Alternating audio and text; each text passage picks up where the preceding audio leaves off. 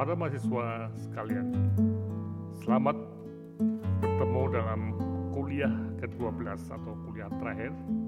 Dan ini adalah sebagai pengantar dengan tujuan pembelajaran adalah uh, terkait dengan isu-isu masa depan yaitu yang pertama menerangkan manage care dalam sistem pelayanan kesehatan.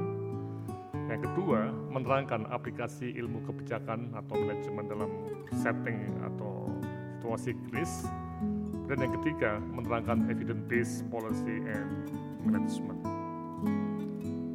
Para mahasiswa diminta untuk mempelajari materi Forum Nasional ke-10 di dalam uh, jaringan kebijakan kesehatan Indonesia yang baru selesai. Nah, seperti yang kita ketahui, di dalam uh, forum tadi itu ada berbagai topik yang terkait dengan tujuan pembelajaran uh, sesi ke-12 ini kita balik ya. Yang pertama adalah menerangkan mengenai evidence based policy and management yang ini dibahas dalam konteks peran dan independensi analis kebijakan dalam perbaikan kebijakan JKN dan masalah kesehatan prioritas pada masa pandemi COVID-19. Silakan Anda pelajari topik satu yang akan diujikan uh, oleh BKMK untuk Anda semua yang mengambilnya.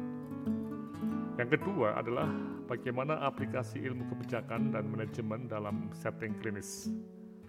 Nah, seperti kita ketahui bahwa banyak masalah-masalah klinis yang menjadi isu besar di uh, sistem kesehatan nasional, yaitu mulai dari KIA, stunting, kemudian jantung dan cancer. Nah, nah kalau kita cermati, uh, isu-isu klinis ini perlu dilihat dalam konteks uh, kebijakan dan manajemen.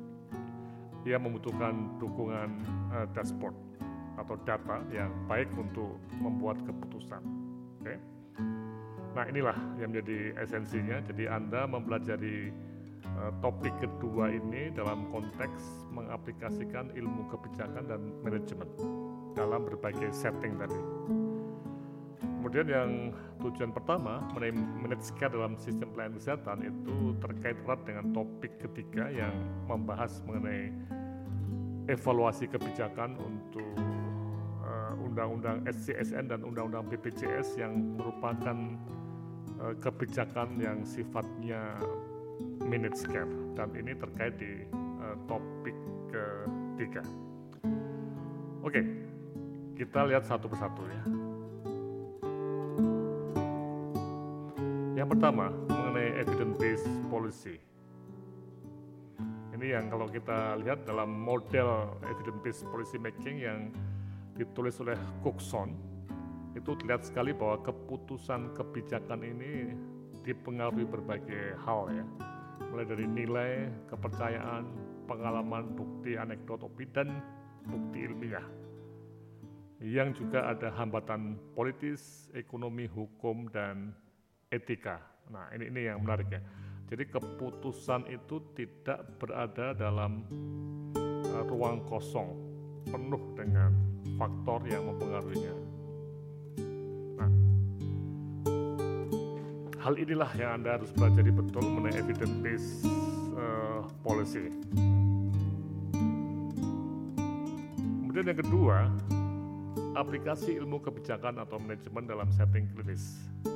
Nah, ini kalau kita cermati ada pertanyaan dasar, apakah proses kebijakan dan prinsip-prinsip manajemen itu dipergunakan dalam mengatasi masalah-masalah yang disebabkan oleh uh, patologis atau hal-hal yang klinis ya.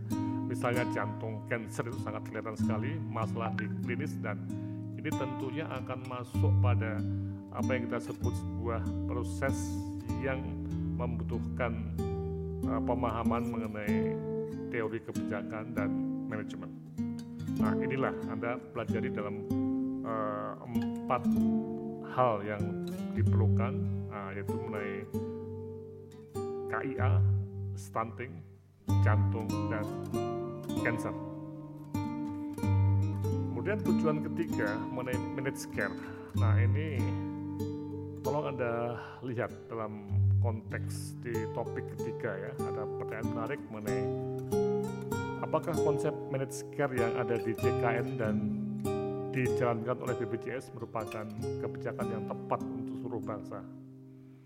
Ataukah ada sebagian atau komponen bangsa yang tidak perlu atau tidak mau menggunakan model managed care dan menggunakan model lainnya yang mungkin juga bisa berjalan ya. Nah, ini ini adalah suatu pertanyaan menarik mengenai apa yang ada di topik ketiga. Kemudian secara keseluruhan, uh, berbagai hal ini akan menjadi isu-isu sentral dalam perkembangan ilmu kebijakan dan manajemen kesehatan. Nah, nah karena itu adalah kita harus menghadapi masa depan dengan persiapan mengenai pemahaman kita mengenai hal-hal yang sifatnya itu mungkin seperti jargon ya, seperti ada suatu istilah reformasi sektor kesehatan yang saat ini mulai banyak dikemukakan oleh para pengambil keputusan termasuk uh, Presiden Jokowi.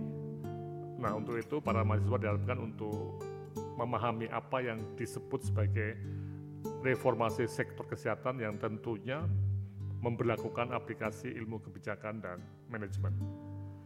Nah, ini sebagai gambaran ada delapan pilar reformasi sektor kesehatan di kabinet saat ini ya.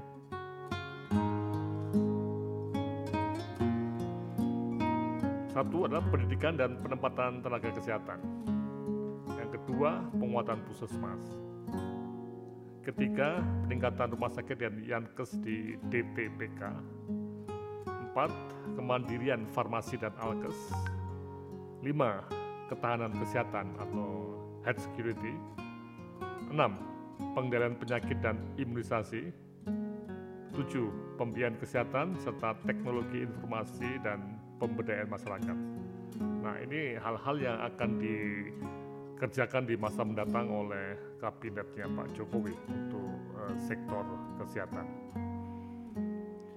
Jadi strategi pembelajaran yang kami uh, sarankan yaitu pertama mencermati hasil Forum Nasional ke-10 JKKI, kemudian mempersiapkan diri untuk memahami reformasi sektor kesehatan sebagai sebuah isu penting di masa depan. Dan nanti akan ada diskusi mengenai reformasi sektor uh, kesehatan. Terima kasih dan mari kita song-song kuliah uh, ke-12 dengan mempelajari dulu hasil-hasil dari Forum Nasional ke-10 dan nanti akan ada diskusi akhir mengenai reformasi sektor kesehatan. Sampai ketemu lagi.